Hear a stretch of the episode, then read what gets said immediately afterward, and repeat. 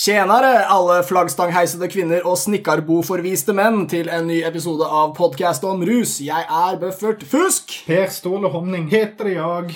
Jajamän, brorsan, videre på det beste svenske jeg kan. Vi har tenkt å snakke litt om et annet land enn Norge i dag. Jeg har jo bare vært i dette landet én gang, og det var under særdeles berusede omstendigheter. Ja, så jeg, jeg, jeg har egentlig ikke klart å overbevise meg sjøl 100% om at jeg faktisk var i det landet vi skal snakke om, og ikke bare liksom, i Moss. Det kan være Moss. eh, De har litt andre skilt. sånne ting er stort sett eneste forskjellen du merker. Men dette er jo landet med billig kjøtt, billig jeg holdt på å si alkohol, men det er jo det òg. Et nydelig land, eh, lovende land for mange nordmenn. Og det, det er òg en av grunnene til at det er så vanskelig for meg å vite om det er et ordentlig land. Det er at 90% av det jeg vet om landet, er basert på eh, bokkilder som ikke er nødvendigvis vitenskapelig etterrettelige. Som f.eks. handler om teddybjørner som blir veldig sterke av å spise honning, og småjenter som blir veldig sterke av å Ja. bo alene og klare seg sjøl. Det. Dette eventyrlandet er jo veldig opptatt av at folk blir veldig sterke av å, av å ha gode og greie meninger om ting. Ja, Og stikke seg litt ut. Og vi må jo sette pris på dette, denne annerledesheten, dette annerledes landet. Vi har vel klart å, å avsløre litt at det er snakk om, om Sverige. For de som er såpass eh, dyslektiske at de ikke leser hva tittelen på episoden heter før de trykker på play. Det var kanskje ingen hemmelighet, nei. Eh, vi skal snakke litt om den uh, rusade siden av Sverige. Svenske rustilstander. eh, fordi Svenske tilstander generelt, tenker jeg. Sånn at vi, med, ja. Vi, vi er ikke for gode for clickbait. Nei, og det er, så, det, er, det er så deilig. Altså, Nordmenn elsket jo begrepet svenske tilstander. Altså, når vi først fikk det, Vi har jo kalt minst ti ting for det allerede. Vi elsker jo å ha noe dritt på dem. Så det, vi må jo bruke det. Det er noe med at svenskene, hver gang man møter en svenske, så føler man seg litt sånn Nei, men å, å, du var noe søt, da.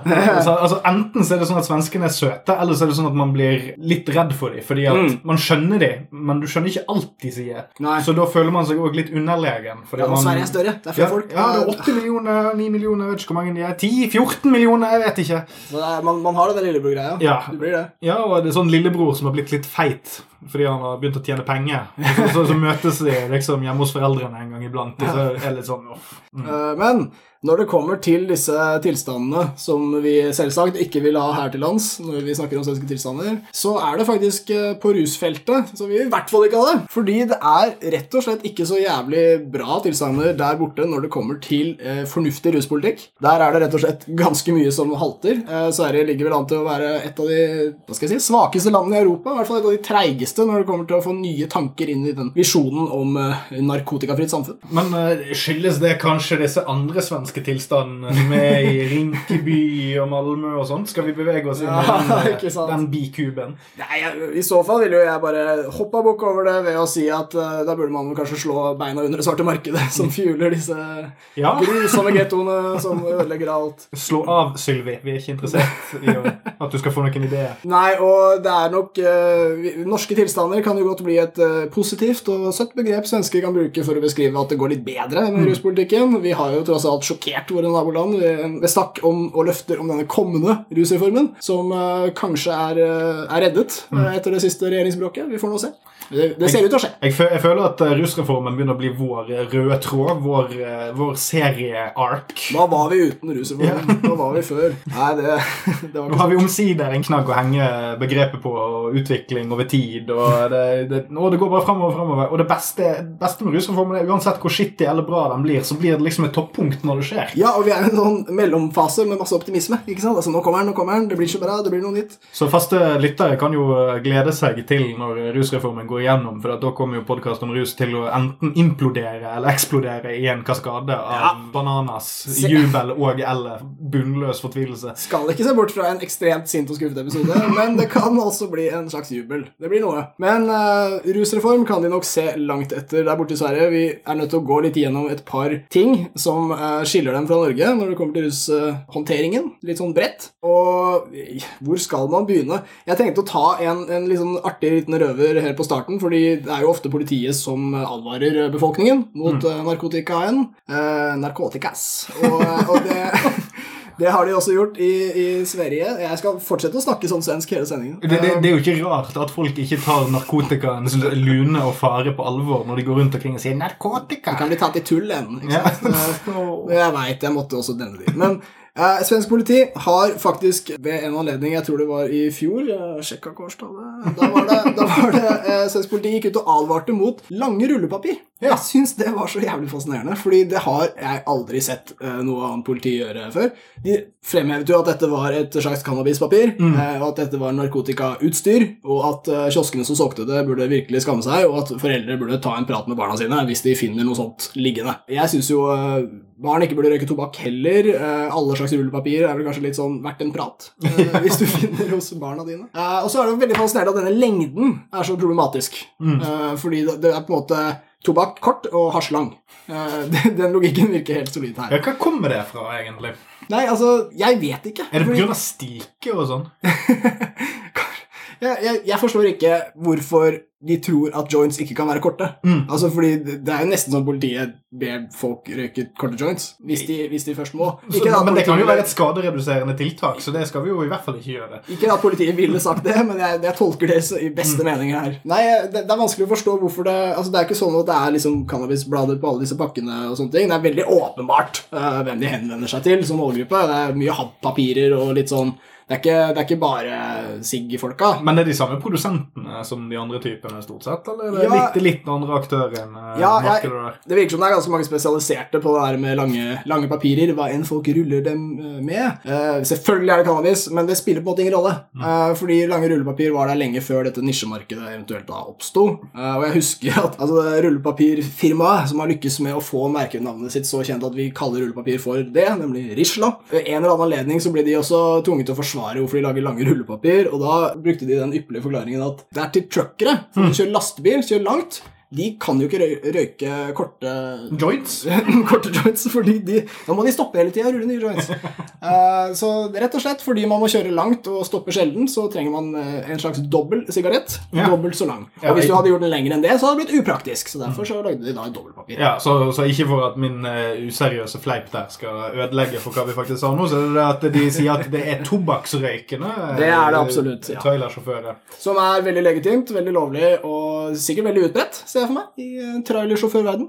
Ja, altså Jeg kan ikke se for meg at trailersjåfører skulle røyke noe mindre enn andre ufaglærte Nei, eh, arbeidere. Nei, håndverkere holdt jo arbeiderklasse.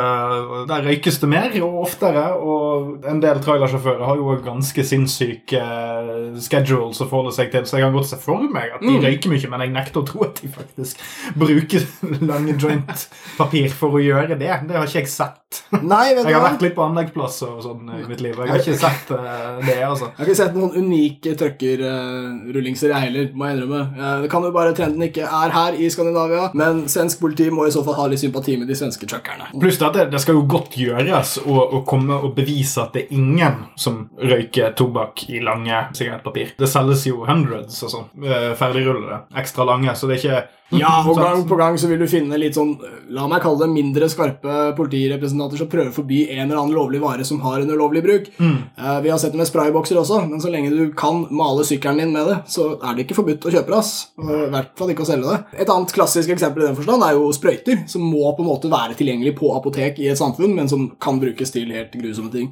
Må være tilgjengelig på sykehus, må være utbredt. Og Der har du jo en annen gjeng som ikke trives så jævla godt i Sverige, da. Det er jo svenske sprøytebrukere. Vi kan anbefale en dokumentar som er på Vice nå om dagen. I hvert fall på den svenske Vicen, som da blir den norske, fordi vi har jo ikke en egen, tydeligvis. Eh, og det er en dokumentar om svenske sprøytebrukere fra Malmö og Göteborg, om jeg husker rett, som da reiser til København. Og de bor på gata i København, spiser mat på herberger, og foretrekker det fremfor å bo i Sverige, der de har rettigheter, og altså rett og slett muligheter til å få seg hus og mat og penger og kanskje jobb også. Men av måten de behandles av myndighetene og politiet, så vil de heller bo hjemløse på gata Kjønner. Det er ganske heftig, spør du meg. Hvordan er det det liksom utvikler seg på den måten der? For at det, man, har, man, har jo, man har eksempler på det her, eh, her til lands, at, eh, at narkomane flytter på seg. og sånt, Mm. Altså det, det er jo, altså man, har- man har sånne hotspots i Bergen og Haugesund og, og Oslo og sånn. Mm. Og det er jo et resultat av at en del steder, hvis du blir hooket på heroin I Trondheim eksempel, så kan det jo faktisk være sånn at du på et tidspunkt har lyst til å komme deg til Oslo for å kjøpe noe, og så bare blir du værende. Ja, Fordi der er det mer stabil tilgang. Og der, sant? Men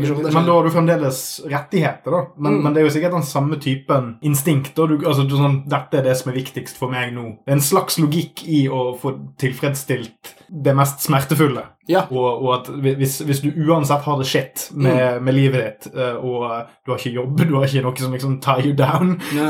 bortsett fra heroinbruket ditt, så er det ikke så Det er jo en ekstrem ting å dra til et annet land, men, Ja. men det er en ganske ekstrem situasjon å være i òg, så det er ikke så absurd når du ikke får den omsorgen du trenger, Mm. der du faktisk bor. Ja, det, er, det, det å krysse denne grensa det gjør det bare så ekstremt. for I Sverige så har de jo sagt seg villige til en del skadereduserende tiltak, men de er så opptatt av denne preventive linja at de skal liksom pushe på og gjøre alt litt vanskelig for de som driver med det.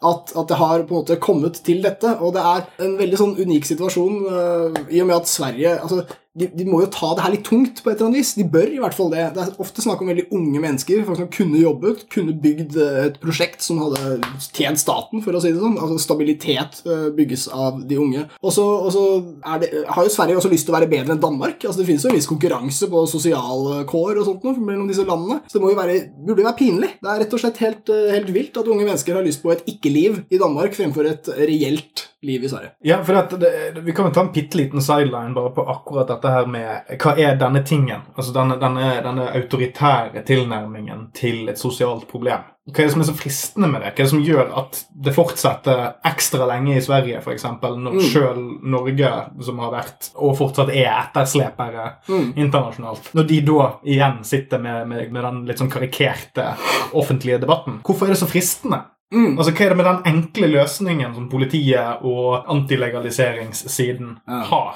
Hva er det som, frister befolkningen? Ja, på en litt sånn absurd, Som en veldig kulturell, spesifikk ting òg. Altså, vi, vi, vi blir jo veldig ofte anklaget for å være litt sånn eh, flokkdyr her nord, siden det er så kaldt. Og vi trenger å samle oss i store flokker for å ikke fryse i hjel sånn. Vi er ikke så veldig liberale i denne nordlige lille kula vår. Og det er akkurat sånn det er det som har liksom oppstått i, i København. En sånn liten liberal lomme. Altså det, det skjedde i forbindelse med disse brukerrommene som København kommune opprettet. Og så ble det såpass mange av dem i et sentrumsområde at i det området nå er det egentlig I praksis er det avkriminalisert. Altså Hvis du er voksen og har rusproblemer og er i det området, så er det lovlig å ha det på seg. Og det er jo det disse svenskene i denne dokumentaren uh, forteller om. Altså At de rett og slett har et langt bedre forhold til politiet. De blir ikke jaget av dem. Hvis politiet tar dem, så tar de ikke rusmidlene fra dem.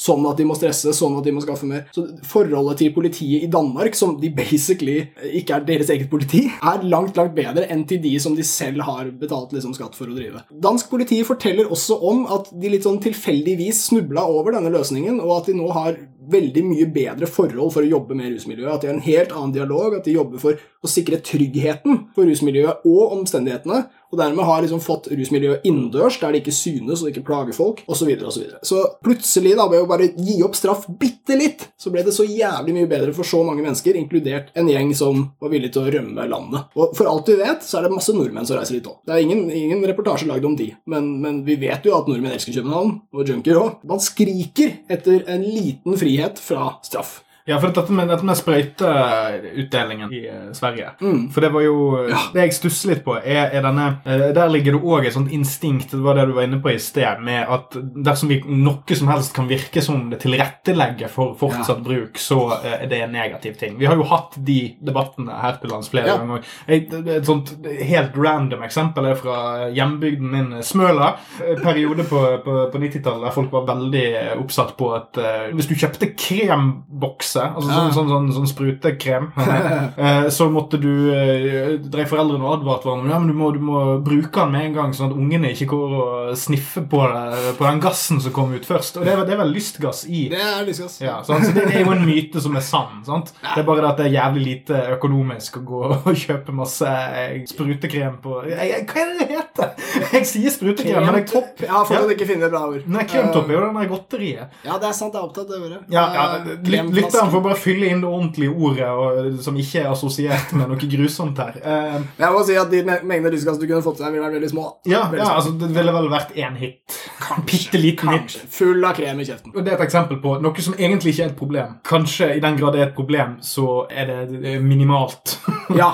og, og det ble gjort masse styr og stress, og, og masse helt vanlige, velmenende folk drev hauset hverandre opp i ukevis om denne relativt fiktive problemstillingen. Ja visst. Og det, og det slår meg litt med dette her med, med, med motvilligheten til å dele ut sprøyter. Det er en sånn, Mm. en sånn instinkt som sier 'dette gjør det verre'. Ja, Ting blir verre hvis vi tillater dette her. og der er det en interessant forskjell på disse landene. Det blir jo litt sammenligning her fra oss, det må vi gjøre. Og altså, I Norge så hadde vi også ganske mye motstand mot utdeling av sprøyter på 80-tallet. Da var det også disse argumentene som ble brukt. Vi kan ikke legge til rette, vi kan ikke sende signaler om at det er greit, for da vil flere gjøre det og. Men uh, så vidt jeg husker, så åpnet vel eh, Norge for eh, utdeling av sprøyter rundt 1984 eller noe sånt. Og den første gangen det skjedde i Sverige, var også samme, rundt samme tid. Og det var fordi at da hadde man en hiv-epidemi i eh, Europa. Nord-Europa var veldig rammet. Og da tenkte man at ok, det er viktigere. Altså Selv i veldig preventive tider, så greit. Og da begynte Norge å legge seg på en linje der vi basically delte ut veldig mye sprøyter overalt. Eh, det er ikke noen spesielle restriksjoner på det. Jeg tror du må være et slags helseforetak. jeg tror du må, ikke sant? Men i Norge så vektlegger vi at det bør være tilgjengelig.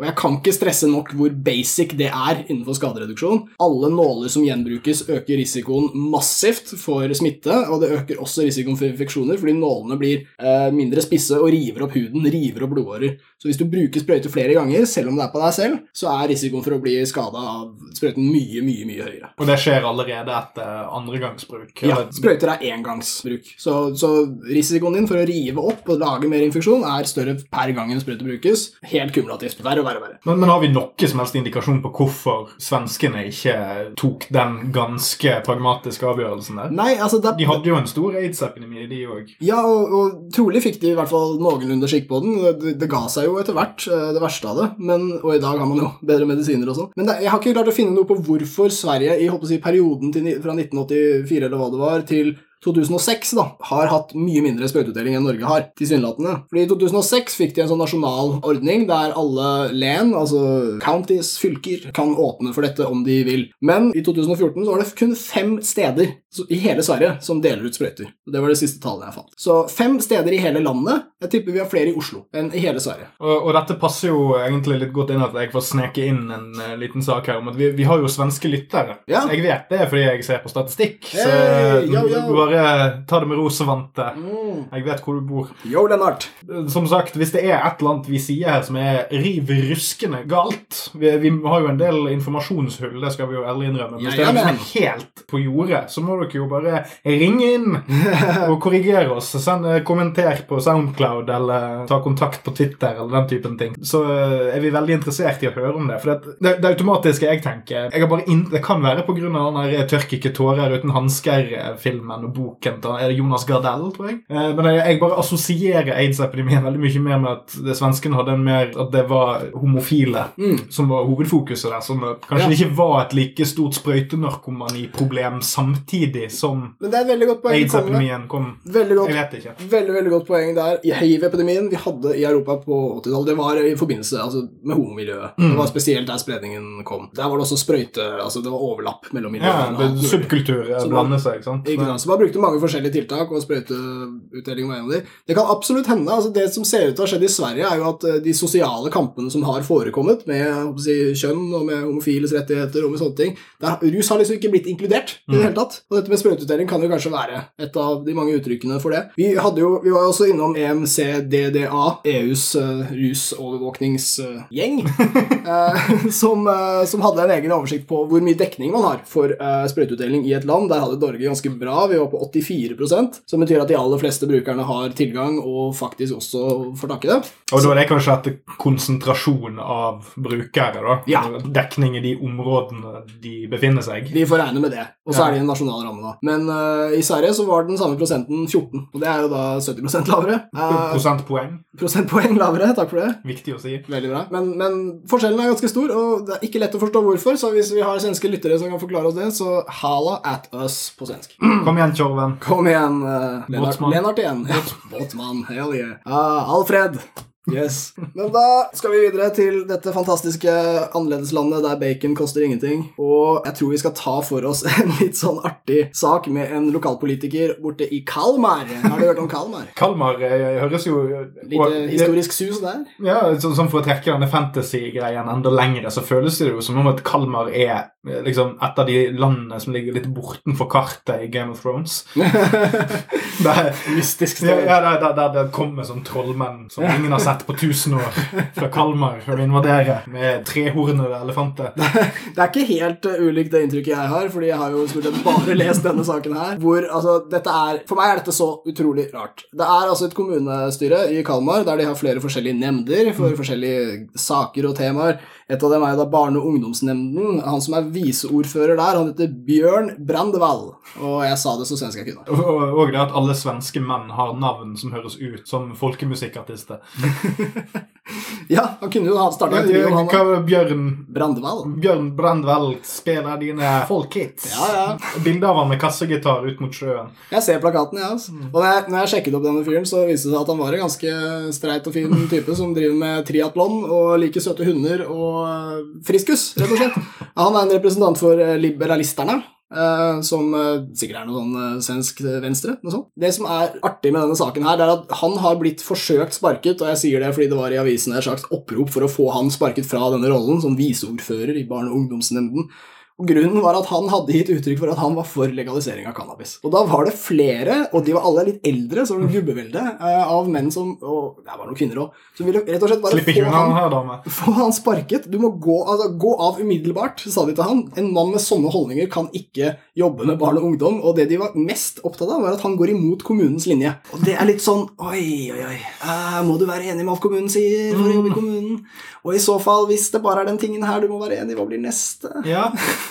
og bare for å trekke fram et norsk eh, eksempel da, altså Se for deg at de skulle sagt det i, denne, i Tolga, der de satte disse her tre, tre brødrene under, eh, under sånn vergeordning for å tjene mer spenn til kommunekassen. Hvis du da kommer og kritiserer og sier 'sånn kan du ikke gjøre', og så snur hele kommunestyret seg og sier 'nei, vi kan ikke ha sånne meninger i kommunestyret som går imot kommunens vilje', da er du på en eh, slippery slope mot fascisme. Si. Men jeg skjønner jo at man må tenke på barna i barne- og ungdomsnemnda, men man, det slår meg ikke nødvendigvis som at det er så utrolig vanlig at ungene som denne barne- og ungdomsnemnden skal skalte og valte med, er så forbanna oppdatert på hva personene som har ansvar for de, mener om ting. Jeg aner ikke hva f.eks.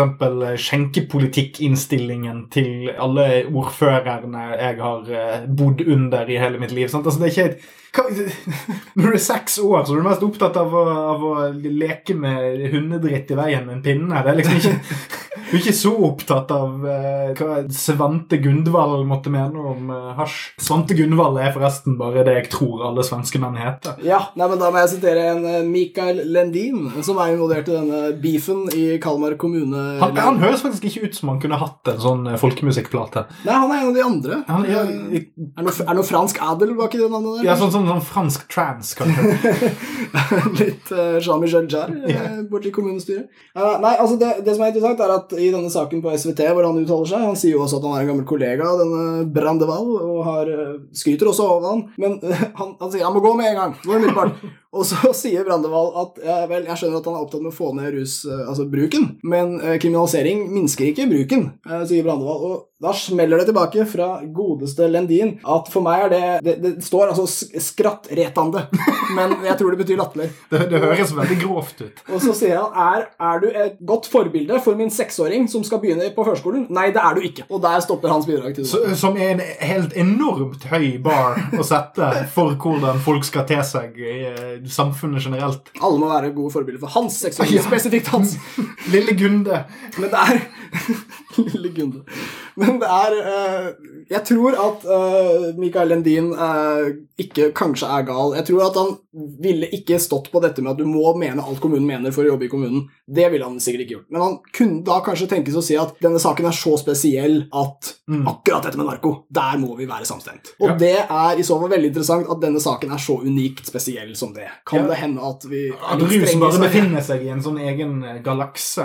Ja, Som, sånn der, der fysikkens lover og regler bare opphører, det- vi kan ikke tilnærme oss det på samme måte som vi tilnærmer oss alle andre ting. Ja, det blir en sånn politisk tabugalakse, da, Mm. hvor vi har ekstremt mye bra historie som viser at hvis du putter ting der, så går ting til helvete et annet sted. Du kan ikke ha ting du ikke snakker om i politikk. liksom. La oss bare ikke gi dem sprøyter. Jeg må også slenge inn der en liten kommentar som altså, Bare i absurditetens tegn Vi prøver å tegne et lite svensk bilde her. Men det var en eh, leder av en svensk antinarkoforening som ble spurt om hvorfor har vi så mange overdosedødsfall i Stockholm nå om dagen. Hvorfor er det en sterk økning der? där Og da sa han det er jo selvfølgelig fordi den liberale rusdebatten har kommet så langt.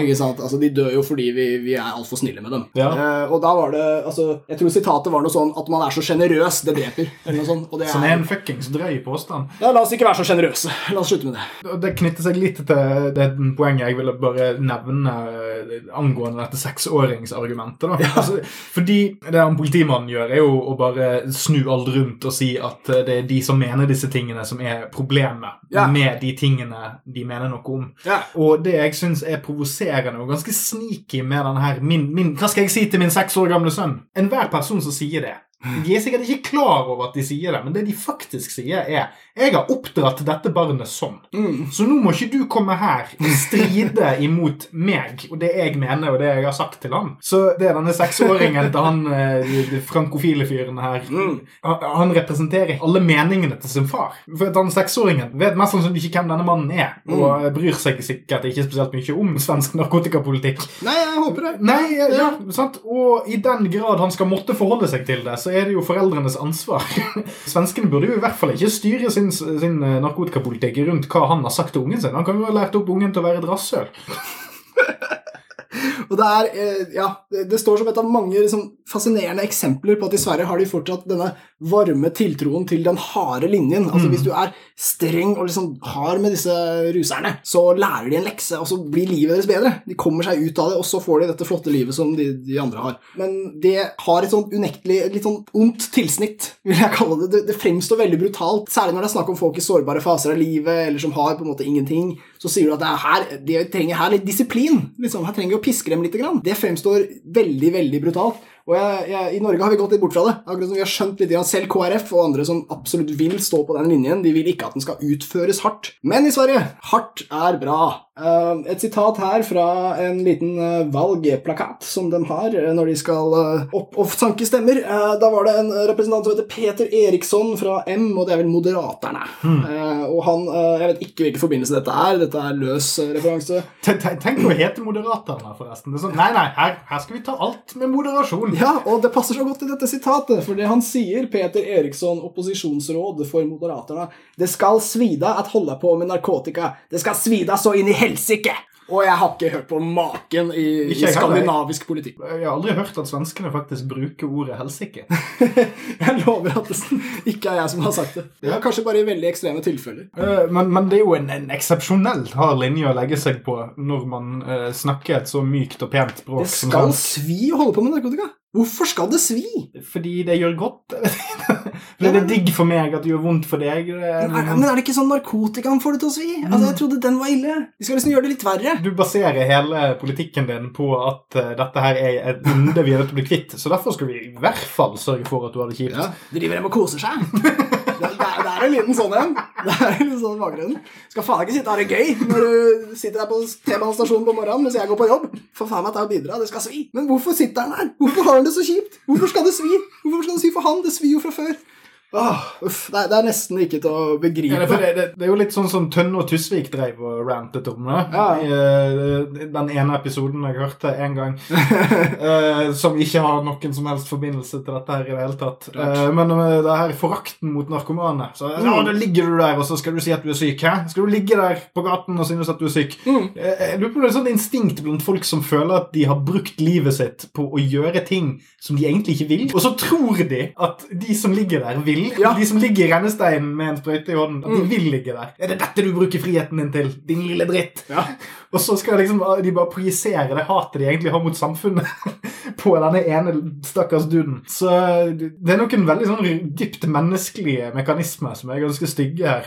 Ja, og hvis jeg skal ta et, eh, et stygt bilde på den stygge praksisen som foregår, så er det at hvis det sitter en svensk rusavhengig på gaten, så kunne staten da i form av en person som går forbi, gått bort og strukket ut en hånd, kanskje i det minste slengt noe ned, en liten mynt eller et jævla plaster eller noen rene sprøyter eller et eller annet. Men i stedet Sverige så har man mer tro på dette lille sparket. Et sånn, sånn lite, lite kick. Ikke så hardt, da, men eh, kanskje hardere Ta på seg tøflene først.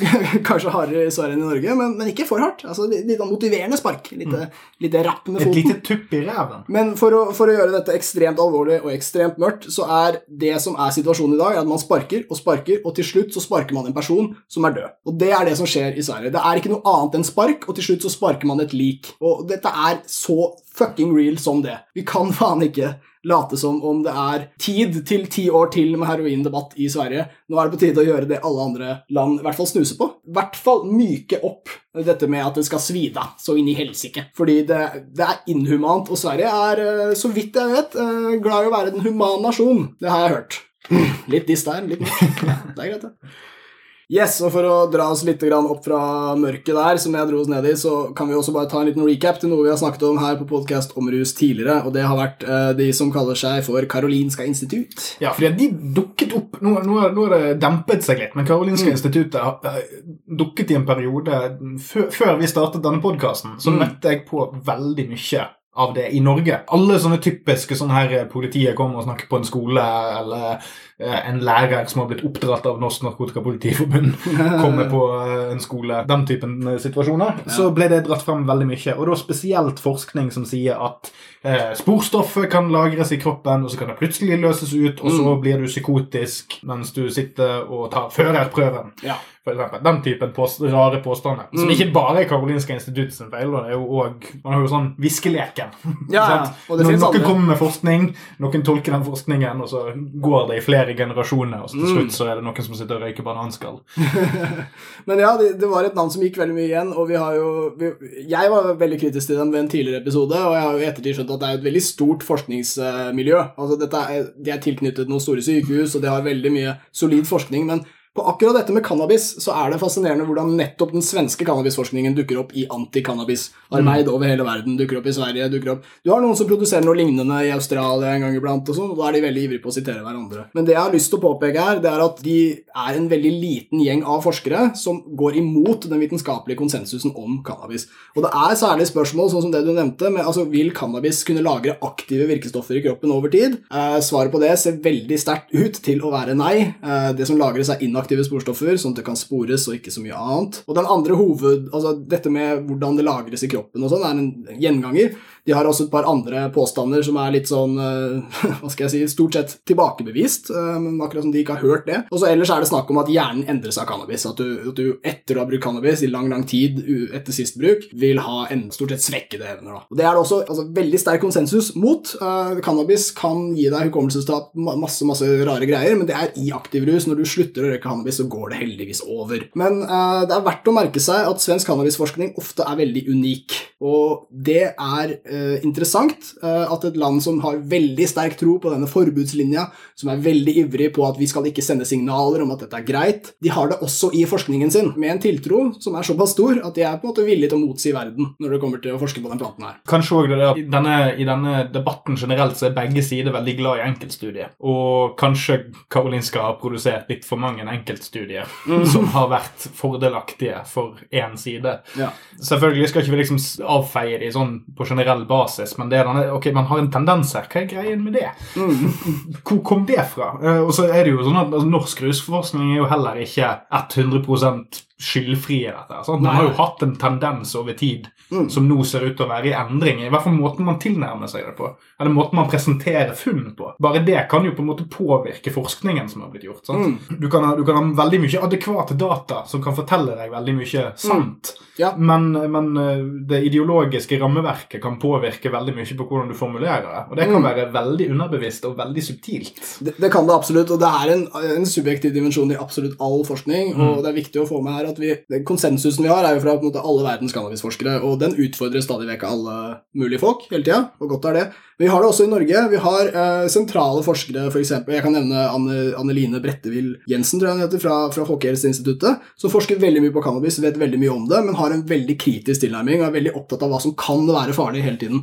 Hver eneste gang det kommer et nytt tall som kan tolkes kritisk, så er det mytene liksom tilbake. altså Kanskje det er det. Men man er veldig forsiktig med å antyde Ser vi dette her? Mm. Det er mye spørsmålstegn, det er ikke påstander, sånn som svenskene ofte gjør. Svenskene sier 'dette er det hasj gjør med hjernene deres', og så ser vi rundt oss i verden, så er det flere og flere steder som gjør det lovlig. Bruken er ekstremt utbredt. Det passer ikke med de plagene folk får, men i Sverige er det sånn, da. Og i Norge er de heldigvis ikke så ivrige på dette her. Ja, og, og, igjen, jeg er veldig for at man er kritisk til ja, er greit, absolutt alt. Altså sånn, Så fremt man uh, er klar over at noe er kritisk for å være ærlig. Ja. Det, det, er bedre å holde i tøylene og si sånn rolig nå, så lenge du anerkjenner at hestene kristne har lov til å fortsette i den retningen. Yep. så nå, rolig, vi skal bare ikke helt av stupet, liksom. ja.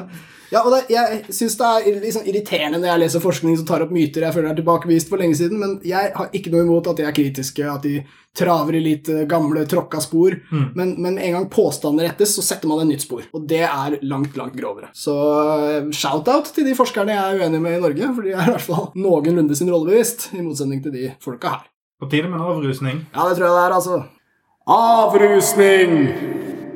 Yes, nei, vi har jo vært innom alt fra trucker, eh, lastebilsjåfører, slanger, rullepapir. Vi har eh, snakket om svensk sprøyteutdeling, de stakkars sprøytebrukerne som rømmer landet, drar til København og sover på benker. Vi har snakket om Bjørn Brandewald, som har blitt forsøkt sparket fra sin rolle som viseordfører i Barne- og ungdomsnemnden i Kalmar. Og så vært litt innom denne forskninga deres.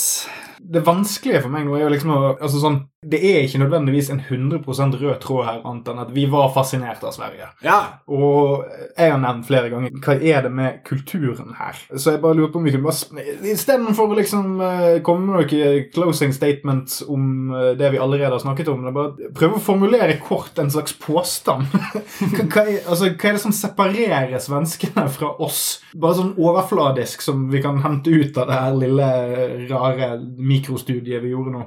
Klarer vi det? Jeg vet ikke. Det er veldig vanskelig. Det er, Norge og Sverige er like på så veldig mange ting som, Mm. som skulle vært de sentrale tingene i spørsmål som dette her. Uh, det er, Norge er ikke spesielt uh, liberale, vil jeg si, men jeg, vil, jeg, jeg ser på det som den viktige delen her. er på en måte liberale verdier. Men vi er mindre borgerlige, da. Folkesjelen er mindre, mindre borgerlig enn Sverige, har jeg inntrykk av. Selv om nordmenn kan velge inn en høyreregjering og den typen ting, så er majoriteten av oss ganske sånn Ikke fiendtlig innstilt, men sånn veldig sånn mm, Skal du komme her og fortelle meg hva jeg skal gjøre? Det er en ganske sånn ryggmargsrefleks, selv om vi er flokkdyr og veldig glad i å være konforme. og sånn. Mm. Eh, Mens jeg har inntrykk av at svenskene i større grad kanskje er Men at de i større grad kan eh, Kanskje pga. adelighet. altså De, de Ja. var mer kontinentaleuropeiske enn det Ja. de har det, det har de alltid vært. Mm. Altså De, de var en, historisk sett en større del Altså en, en større del av Europa enn det Mm. vi var. Eh, Vi, vi var bare et, eh, et forlengelse av Danmark i flere hundre år. Så kanskje det er noe med den derre 'vi vet best' Ja. At selv, selv om Norge og Sverige er veldig like ideologisk sett, så kanskje svenskene bare er mer sikre i sin sak. Ja. At de ikke er så tvilende på et eller annet slags vis. Nei, altså, jeg, jeg tror kanskje du er inne på Bare noe for å synse. altså Dette er det bare, bare basert på det vi har eh, snakket litt om nå. Ja, ja, men det er way innafor. Altså, jeg, jeg tenker at en sentral del av hva som gjør våre land unike, håper si sammenlignet med mange andre, og sånn, det er at vi har en veldig øh, denne sosialdemokratiske altså kollektivismen, eller hva det er for noe. Vi, vi er øh, en enhetlig nasjon, vi har høy tiltro til staten, vi føler oss veldig som nordmenn, som svensker osv. Men jeg tror du kan være inne på noe med dette med adel, fordi svenskene har vært en stormakt, de har hatt en overklasse, og de har det vel egentlig fortsatt. Uh, da har du en, en splitting i kollektivismen. Altså, Flokken er ikke helt hel, den er i hvert fall delt i to, kanskje flere òg.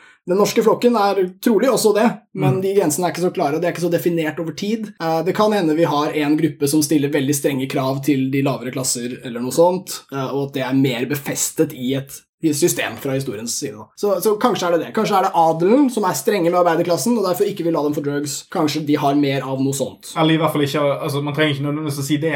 Kanskje den adeligheten, da, eller hva man skal kalle det, Ja. gjør at endring på en del veldig sosialt betente ting kan Mm. bli vanskeligere på grunn av at ja, men vi vet jo best. Ja, vi, vi, vi, vi har jo en, vi har en dannelse, vi har en, vi har en ting vi er enige om her. Et ekspertvelde som Ja. er etablert. Ja, kan, ja det, det, Mm. det- Dette er anstendig. Dette Mm. er den pakken som er anstendighet. Uh, narkotika ikke anstendig. Heldigvis er det ingen som veit en dritt om hva de driver med i Norge. Nei. Det er sånn som innrømmer at du ikke veit. Så det, nei, men det kan, jeg, jeg Vi tror det er det aner ikke hva vi driver med her. Jeg Vi er veldig er ærlige på det. Nei, vi, nei. Jeg tror det er det beste vi kan komme på av forskjeller. For disse landene er veldig like, men hvorfor Sverige står i stampe når det kommer til toleranse på rus, det, det vet jeg ikke. Der er Norge ille, Sverige verre. Så ta med dere det, grabber og kjeier. Ja, Tenk på det når dere slafser nedpå med dunderhonning. Ja, og GB Glass. Snikkerboan, hele gjengen. Takk for oss. Takk for oss.